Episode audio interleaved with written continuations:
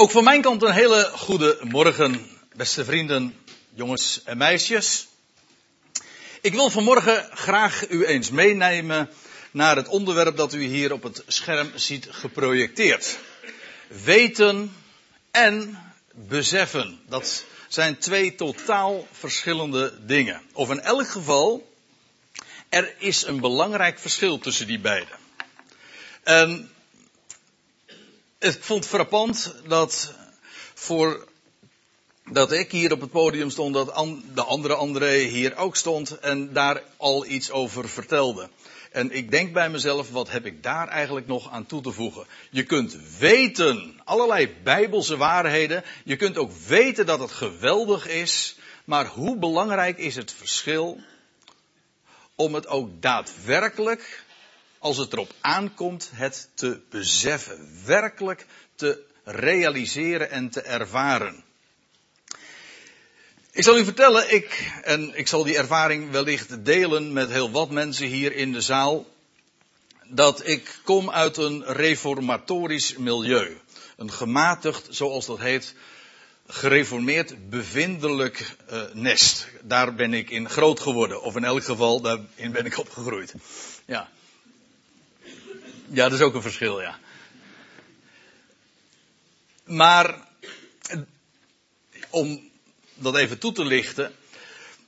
In, uh, in de Calvinistische wereld heb je een, een, bepaalde vleugel en die wordt bevindelijk gereformeerd genoemd. En wat bedoelen ze met dat woord bevindelijk? Wel, daar wordt bevindelijk gepredikt.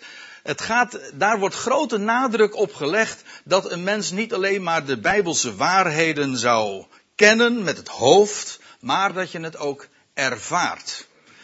Nou is het plaatje wat u hier ziet geprojecteerd niet helemaal voor niks, want u ziet donkere wolken daar samengepakt boven die kerk. Het witte kerkje in Katwijk overigens. Maar dat, die donkere wolken, die zijn ook wel wat typerend voor dat milieu. Want het gaat er dan vooral om, en ik heb dat dikwijls ook gehoord, dat je ervaart in het leven, zo wordt dat zondag in, zondag uit verteld, dat je ervaart, niet alleen maar weet dat je een zondaar bent, doemwaardig voor God, niet voor Hem kan verschijnen, maar dat je dat ook pijnlijk gewaar wordt. En dat je in grote nood komt en dat je door zielervaringen dat je werkelijk in uiterste nood dan tot God gaat bidden en werkelijk gaat voelen hoe slecht en hoe ja, veroordelenswaardig je voor God bent. Dat wordt zondag in, zondag uit altijd benadrukt. Niet alleen maar weten, maar ook dat bevinden, dat ervaren, je realiseren. Nou moet ik u zeggen dat die nadruk op bevinding en het ervaren, niet slechts weten, maar ook je het je realiseren, dat is bijbels. Maar wat ik geleerd heb in het Nieuwe Testament, en met name in de brieven van Paulus, we hebben zojuist een gedeelte daar ook uit gelezen, uit Colossense 1, we zullen het straks nog eens doen. En ook uit Efeze 1. Het grote verschil is, eh, met het milieu wat ik zojuist even kort schetste. En wat ik lees van de apostel Paulus is dat hij ook spreekt over bevinding. En ik zal dat specifieke woord wat hij daarvoor gebruikt straks toelichten. Maar op een heel andere manier. Niet in de zin van dat we zouden gaan ervaren hoe slecht wij zijn, maar hoe groot God is. En hoe geweldig die blijde boodschap, dat goede bericht is, dat aan van Gods wegen aan Paulus is toevertrouwd en dat hij onder de heidenvolkeren mocht prediken. En hoe geweldig die hoop is. Dat we dat niet alleen maar weten, maar dat we dat ervaren. Geen donkere wolken dus, maar de, die zonneschijn, dat licht. En ik gebruik het woord licht nu, maar dat zal ik straks ook nog eventjes toelichten. Ja. Laat ik eerst eens even naar, dat, naar een het specifieke woord gaan waar ik wat over wil vertellen. Het gaat om het Griekse woordje epignosis. Van mij mag u dat weer vergeten, maar daar gaat het nu even om.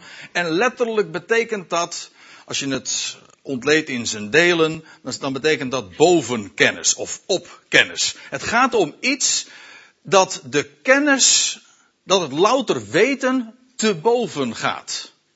Het onderstelt, letterlijk, het onderstelt weten.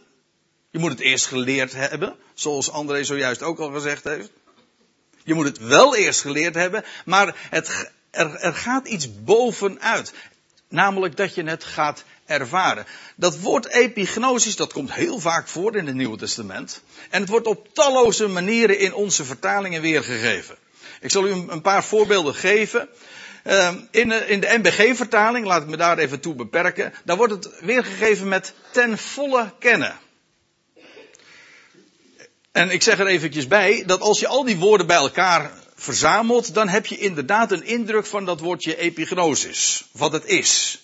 En ik zal u laten zien, het betekent echt ten diepste ook beseffen, realiseren. Het wordt vertaald met ten volle kennen of grondig kennen. Ook met erkennen. Dus niet alleen maar kennen, maar het ook erkennen. Inzien of begrijpen. Want je kunt iets weten. Er zijn talloze. Ja, ik, kan, ik zou een heleboel voorbeelden daarvan kunnen geven. Eh, je bent, je bent van, van, van kindsbeen aan groot geworden. Althans, dat is mijn eh, persoonlijke ervaring met, met het woord van God, met de schrift. En, en je hebt die Bijbel al zo vaak gelezen. En dan kom je erachter dat er teksten zijn. die je al zo lang kent. En op een gegeven ogenblik. dan valt het kwartje, zoals we dat dan zeggen. Dan ineens begrijp je, terwijl je er. En dan, ik kreeg van de week nog een mailtje. Iemand had mij een vraag gesteld over een Bijbelse kwestie. En ik had antwoord gegeven. En toen kreeg ik de reactie terug. Zegt, hoe verblind kan een mens zijn? We hadden laatst nog aan tafel deze tekst met aandacht gelezen. En het is me compleet ontgaan dat het er stond. Terwijl je het wel wist. Maar dat komt vaak ook omdat we het niet begrijpen. Als je iets niet begrijpt, ja, dan zal het geen impact hebben in je leven. Dan, dan speelt het geen rol. Dan weet je niet ja, wat, dat, wat de betekenis ervan is. Daarom, het gaat ook om begrijpen. Bemerken. Of het wordt ook vertaald met herkennen. Ziet u iedere keer, het is net meer dan alleen maar kennen en weten. Nou ja, en ik kan nog wel even doorgaan, want het wordt met nog veel meer uh, verschillende woorden weergegeven. Het maakt het allemaal wat lastig om het woord in het Nieuwe Testament ook werkelijk uh, eruit te pikken, want het wordt op talloze manieren weergegeven. Maar nu hebben we wel het woord te pakken, epignosis. Het betekent dus beseffen, hè, dat er een lichtje opgaat. Vandaar ook dat ik dat eh, icoontje, dat plaatje er, die, van, dat, van die gloeilamp er iedere keer maar bij plaats. Goed. Laten we eens naar die, naar die schriftplaats toe gaan die zojuist is gelezen. Colossense 1. Daar schrijft Paulus in vers 6. Immers, in de hele wereld draagt het, en dan heeft hij het over het evangelie, die boodschap die hij mocht prediken in, onder de heidenvolkeren. Dat goede bericht, hij zegt, in de hele wereld draagt het vrucht. Het wast op, het groeit op. Zoals ook bij u vanaf de dag dat gij het gehoord hebt.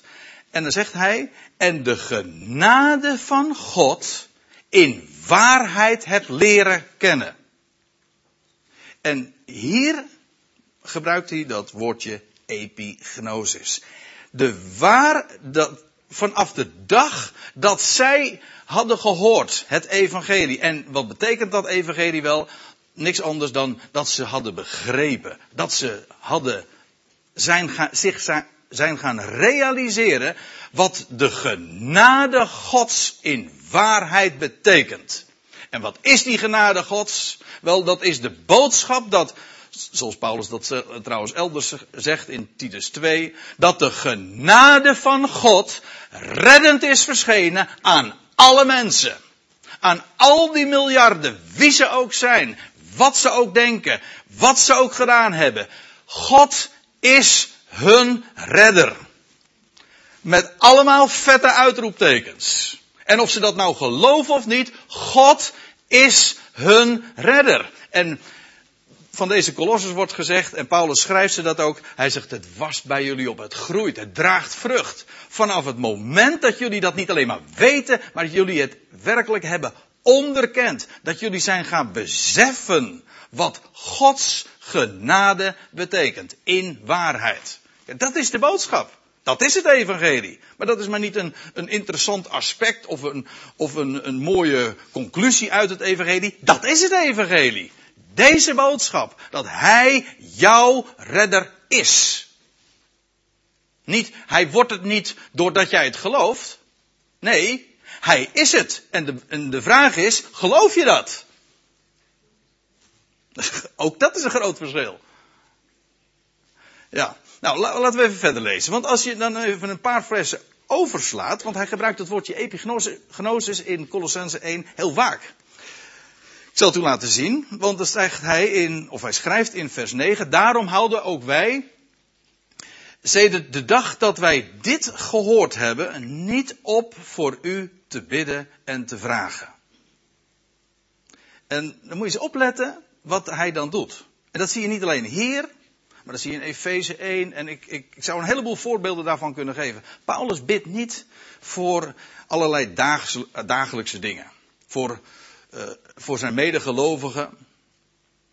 Die hij eh, het woord zelf heeft mogen doorgeven. Dat was in dit geval trouwens niet het geval. Hij was nog nooit in Colosse geweest. Maar hij had een hart voor hen. En, en waar maakte hij zich nou zo druk om? Waar maakte hij zich bezorgd om? In de goede zin des woords. Niet om hun, ook niet om hun gezondheid, hoe groot goed dat ook is. Dat hoef ik u helemaal niet te vertellen. Ook niet om een baan of over financiën en allerlei dingen die in het dagelijks leven spelen. Weet u wat? Paulus is daar heel laconiek in. Want weet u wat hij zegt? God voorziet gewoon in al je behoeften. Naar zijn rijkdom. Hij geeft je wat je nodig hebt.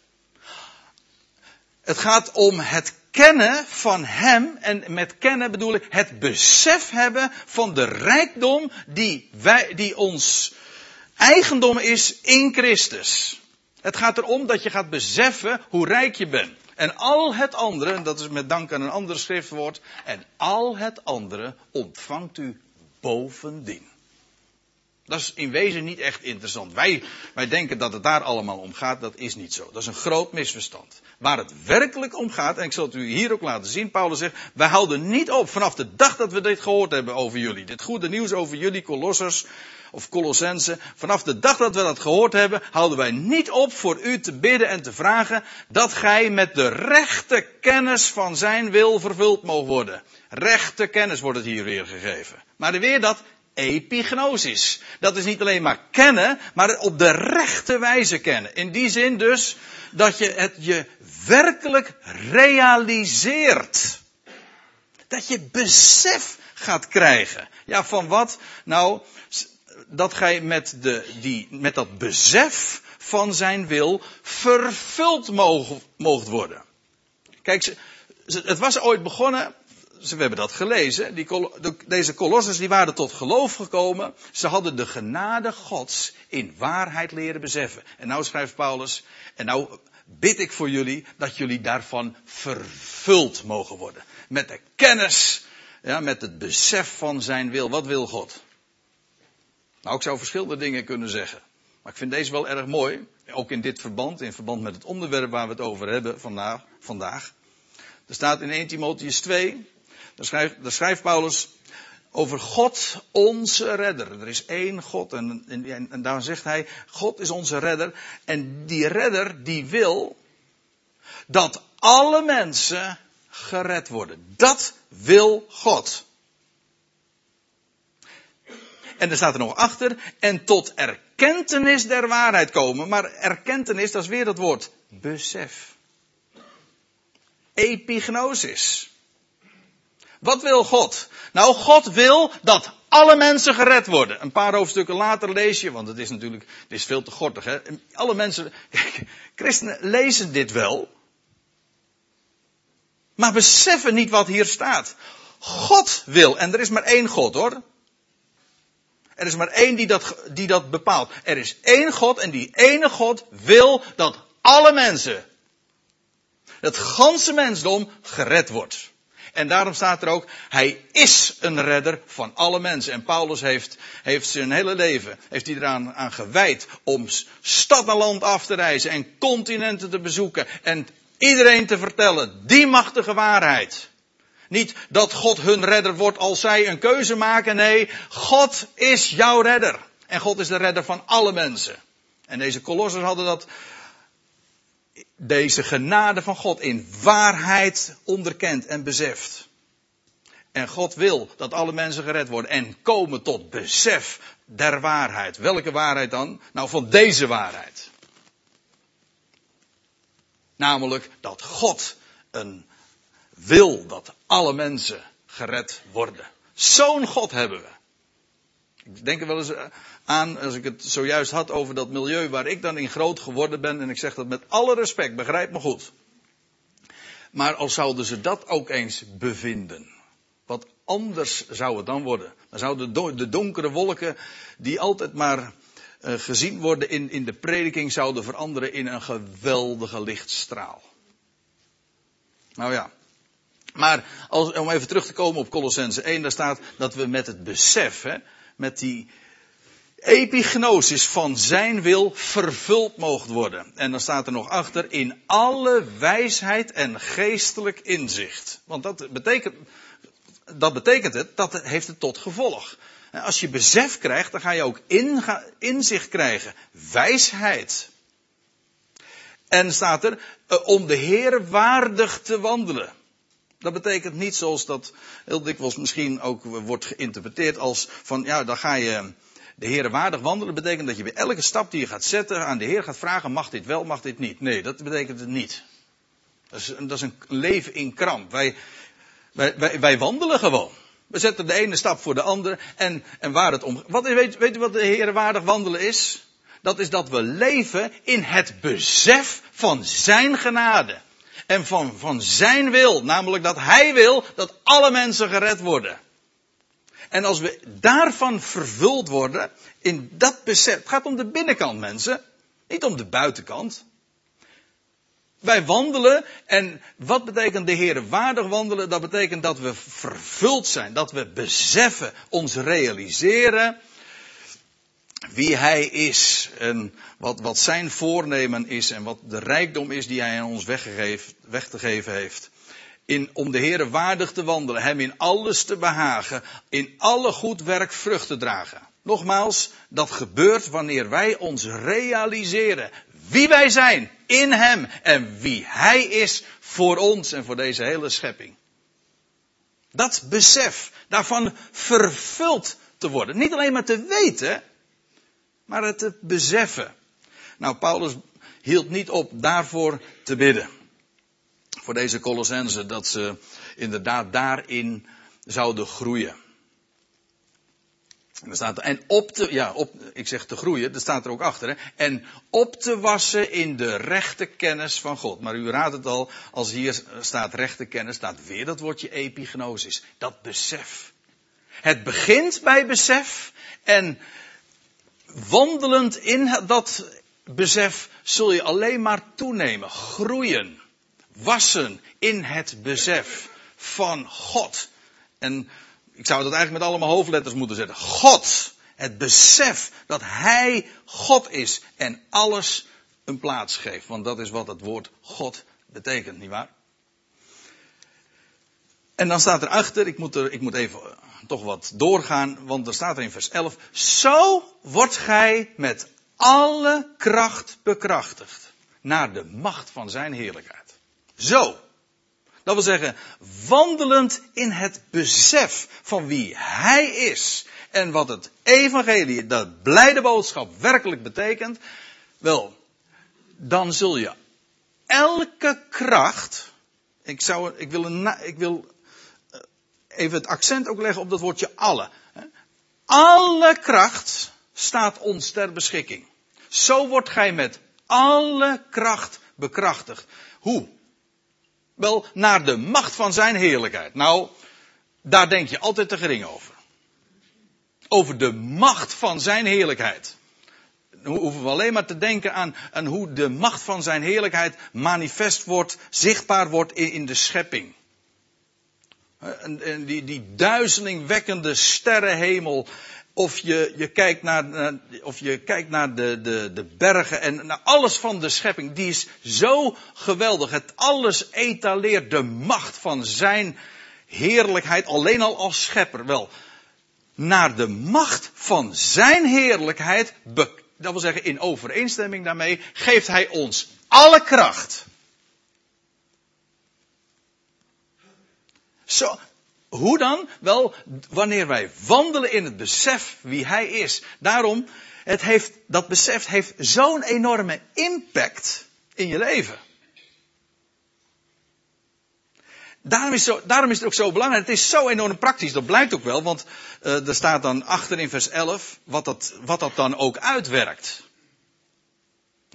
dat voorgaande vers, dat we, dat we met alle kracht bekrachtigd worden. Ja, je, als je er even over nadenkt, dan heb je al gauw in de gaten van, ja, dat is wel iets enorms. Hè? Zo wordt gij met alle kracht bekrachtigd naar de macht van zijn eerlijkheid. Maar dan heel concreet, vers 11.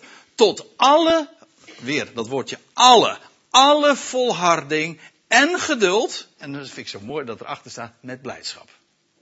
In de MBG-vertaling staat het net even anders.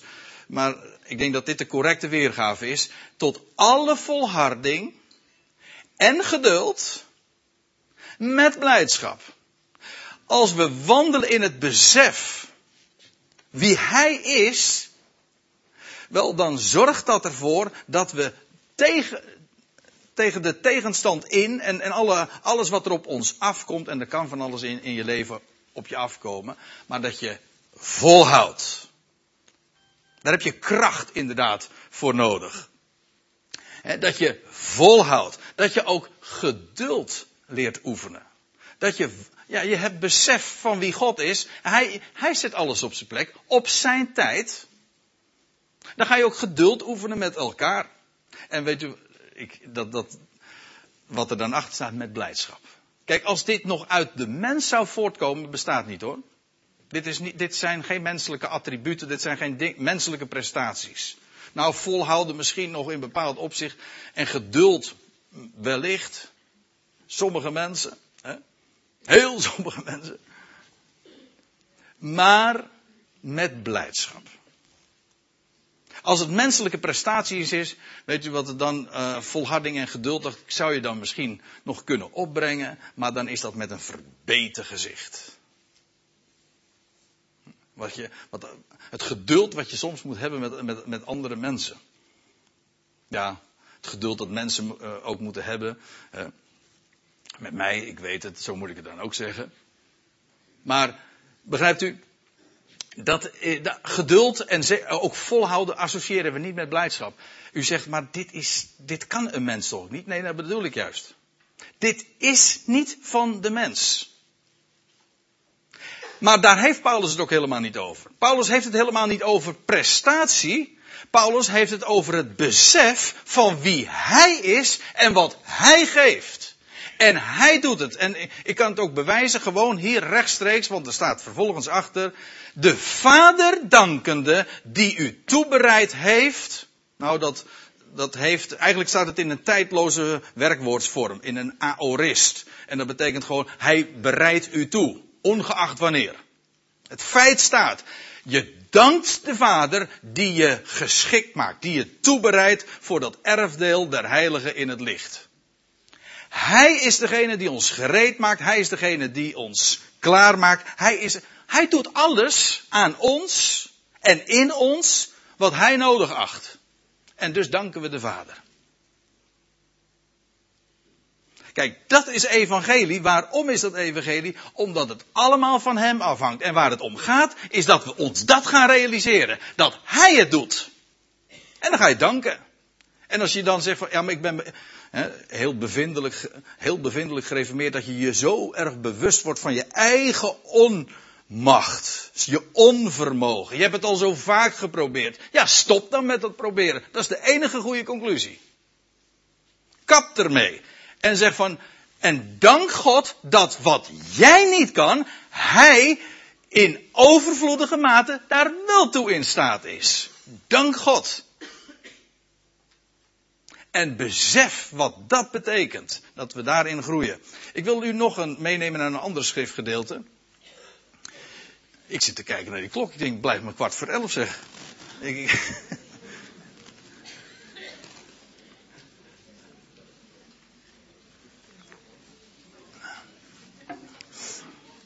Ja, dan kan ik nog even doorgaan.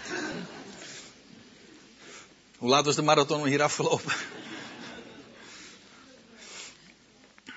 Ja, daag me niet uit hoor. Want dan zit u nog wel even. Maar goed, uh, Efeze 1.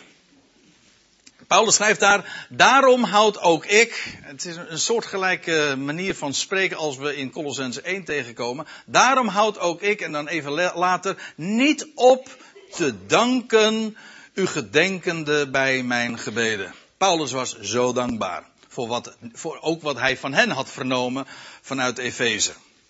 En dan zegt hij, ik hou niet op voor u te danken. Kijk, als je zicht gaat krijgen op Gods genade en niet meer kijkt naar wat de mens doet en vooral wat hij niet doet en wel zou moeten doen, en weet u wel, maar daar gaat het allemaal niet om. Dat is allemaal, in wezen allemaal buitenkant. Dat het, waar het werkelijk om gaat is dat God alles doet. En Paulus was zich daar zo van bewust. Hij realiseerde, hij dankte God voortdurend. Hij zegt, en ik gedenk u bij mijn gebeden.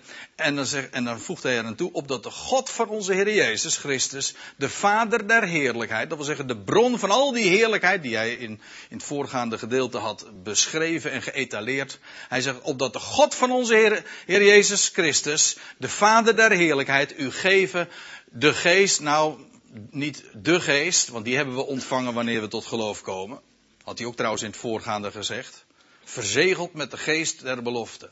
Maar dat hij u geven een geest, hè, of dat hij u geven geest van wijsheid en openbaring. En, en dan voegt hij, voegt hij eraan toe. Om hem recht te kennen. En u raadt het al, opnieuw. Hier staat weer dat woordje epignosis. Besef. Om te beseffen wie hij is. Om hem te realiseren. Je bewust te worden wie hij is. Ja. Weten dat hij God is en dat hij alvermogend is, dat we altijd te gering denken over hem, is één ding. Maar het je ook werkelijk te beseffen, dag in dag uit, is een ander ding. En Paulus bad voor deze mensen. Hij zegt van dat ze dat zouden, uh, zouden komen tot dat besef. En dan staat erachter, en daarom vind ik dat plaatje van, dat, uh, van die gloeilamp wel goed. En ook heel geschikt. Hè. Verlicht de ogen van het hart. Verlicht de ogen uw harten. Dat is, dat is besef. Dat je, dat je ogen verlicht worden. En weet u hoe dat gaat? Is het nou gewoon een kwestie van, nou ja, je gaat op je stoel zitten en je wacht gewoon dat God je gaat verlichten? Hm, zo heel leidelijk en uh, heel passief. Ik zal u vertellen hoe het, hoe het werkt. Dat klinkt wat arrogant. Maar ik heb dat toevallig niet van mezelf. En ik heb dat gelezen in Psalm 19. Ik wil u daar even naar, uh, heen meenemen. Er staat in Psalm 19, dat is mooi hoor. Echt heel fraai. Er staat in Psalm 19. De bevelen des Heren zijn waarachtig. Dat wil zeggen dat wat God beveelt. En dat betekent niet van wat Hij ons oplegt, maar waarvan Hij zegt dat moet gebeuren, maar dat ook zal gebeuren. En daarom staat er ook achter, ze verheugen het hart.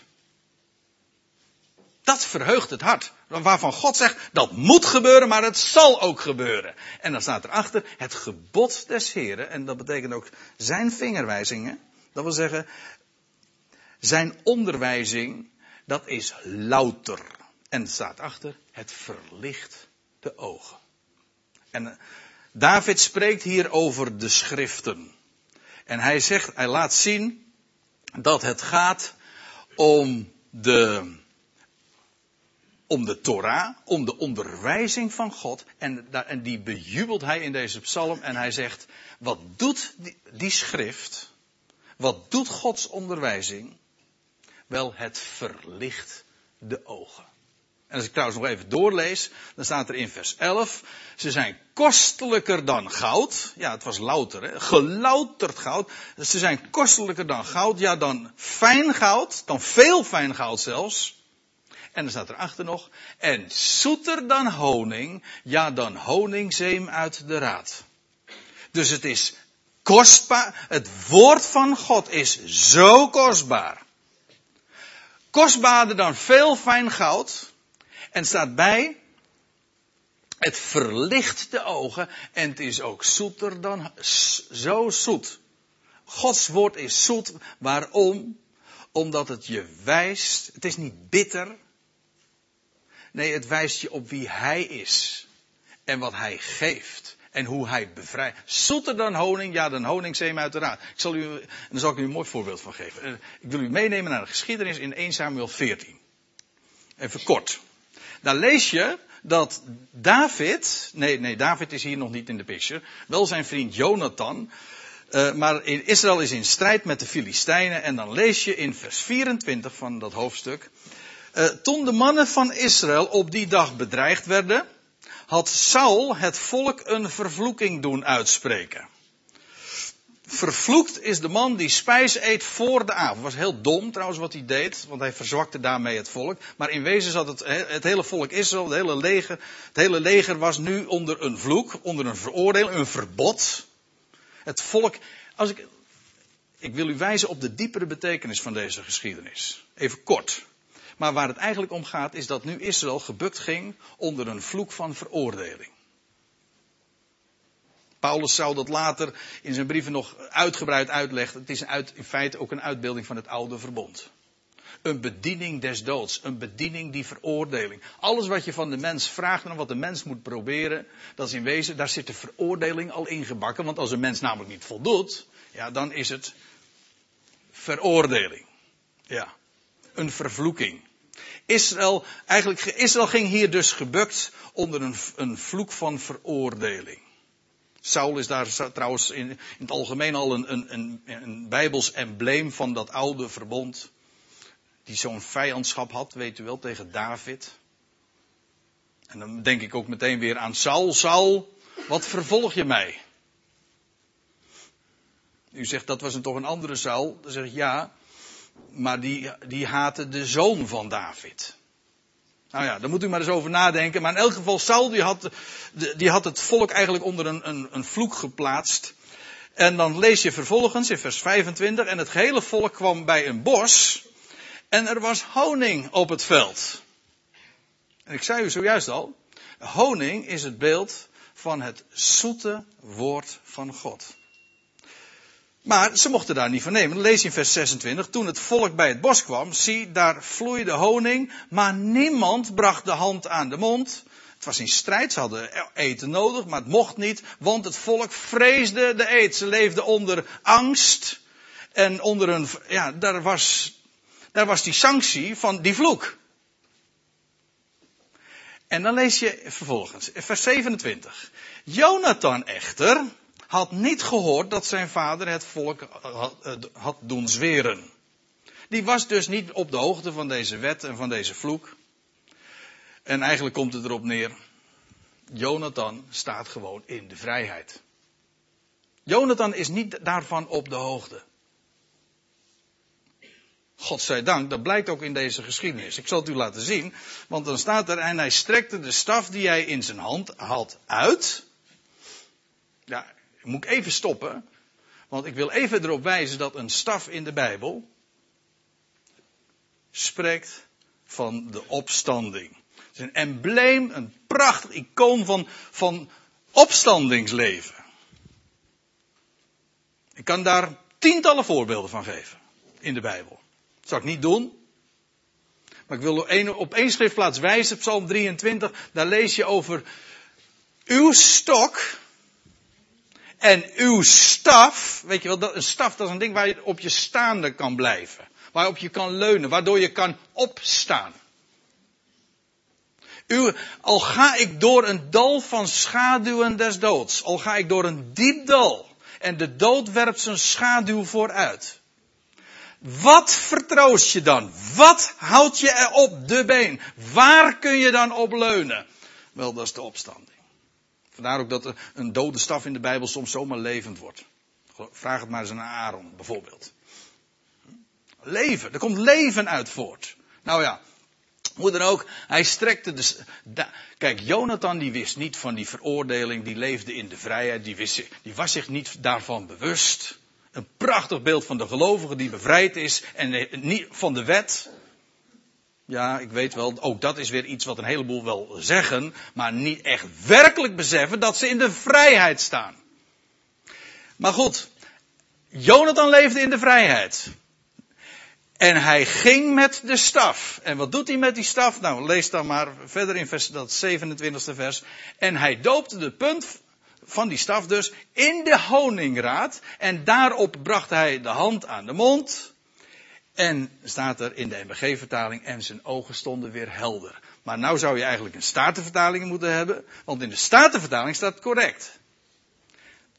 Ik vind, er staat namelijk, zijn ogen stonden verlicht. Is dat nou niet een schitterende illustratie wat we daar in Psalm 19 al lazen? Maar in feite ook in Efeze 1 over die verlichte ogen. Jonathan leefde in de vrijheid, leefde niet onder de vloek van veroordeling. Jonathan, die, die had een staf. Hij ging met de staf. Daar kun je op leunen. In het leven. Dat vertroost je. En dat is wat. En wat, wat doet hij met die staf? Wel, met die staf neemt hij van de honing, van de zoete honing, het beeld van het woord van God. En wat doet die honing dan? Hier, letterlijk in die geschiedenis, terwijl het hele volk die zat smachtend ook daarnaar te kijken, naar die honing die daar rijkelijk vloeide. Ze mochten er niet van nemen. Maar Jonathan trok zich er niks van aan. Wist, wist er ook helemaal niks van. En hij neemt van die honing en hij eet het en zijn ogen werden verlicht. Gewoon letterlijk is dat waar geweest. Maar u begrijpt, hier zit een diepere zin in. Hij at van de honing en zijn ogen werden verlicht. Dat is het beste advies wat ik u kan geven. Eet veel honing, mijn zoon. Dat staat trouwens ook in spreuken, realiseer ik me. Eet honing, mijn zoon, want dat is goed voor u. Ja. Want daar worden de ogen verlicht. En weet je wat je dan allemaal gaat ontdekken? Nou, een heleboel hoor. En dan ga ik even weer terug naar vers 18 tenslotte van Efeze 1. Over die, over die, dat, die epignosis. Verlicht de ogen van uw hart. Zodat gij weet welke hoop zijn roeping wekt. Weet, maar eigenlijk staat er gewaar wordt. Hebben we een idee wat voor hoop we hebben? Kijk, we hebben vaak wel een idee. We zijn ons vaak heel erg bewust van de hopeloosheid van situaties. Daar worden we ons pijnlijk van bewust. En dat kan in allerlei dingen in het leven, kan, kan dat zomaar ons zo aan ons opdringen. Maar hebben we een idee wat voor een enorme verwachting wij hebben? Ik denk het niet. Al zouden we maar een greintje. ik weet, ik, ik, heb ooit eens een keertje gelezen van een broeder die. Ik, hij was 109 dat hij iets schreef. Moet je nagaan. Uh, stond er boven dat artikel. En die zei, en die schreef, en ik zal het nooit vergeten. Eén glimp straks van zijn heerlijkheid. Dat zal alle moeite van het leven. Al is, al is het 109 jaar lang. Zal alle moeite van het leven vergoeden. Moet je nagaan. Eén glimp. Het is waar hoor. En dat we dan een eindeloze hoop hebben. Ja, met echt een eindeloze hoop, ja. In de dubbele zin des woords. En de hoop komt geen eind. En de hoop nu al is eindeloos. Kijk, nou, wel dat we verlichte ogen hebben, zodat we gaan beseffen welke hoop zijn roeping wekt, hoe rijk we zijn. Hoe rijk de heerlijkheid is van zijn erfenis, van zijn lotsdeel, zo u wilt. Hoe rijk bent u? Eh, ga je zegeningen instellen. Ja, materieel. Nou, dat is al mooi. Maar kijk je daar niet op, want zo heb je het en zo ben je kwijt. Maar wat, het gaat erom wat werkelijk vastheid geeft. Wat ons eigendom is in Christus. Hoe rijk we zijn. Uh, hoe rijk de heerlijkheid is van zijn erfenis bij de heiligen. En hoe overweldigend groot zijn kracht is. Er staat nog achter aan ons die geloven. Nou ja, hoe groot zijn kracht is, dat we dat zouden beseffen, dat ons gaan realiseren, dat we daar verlichte ogen, dat onze ogen gaan stralen van dat licht van zijn woord. Amen.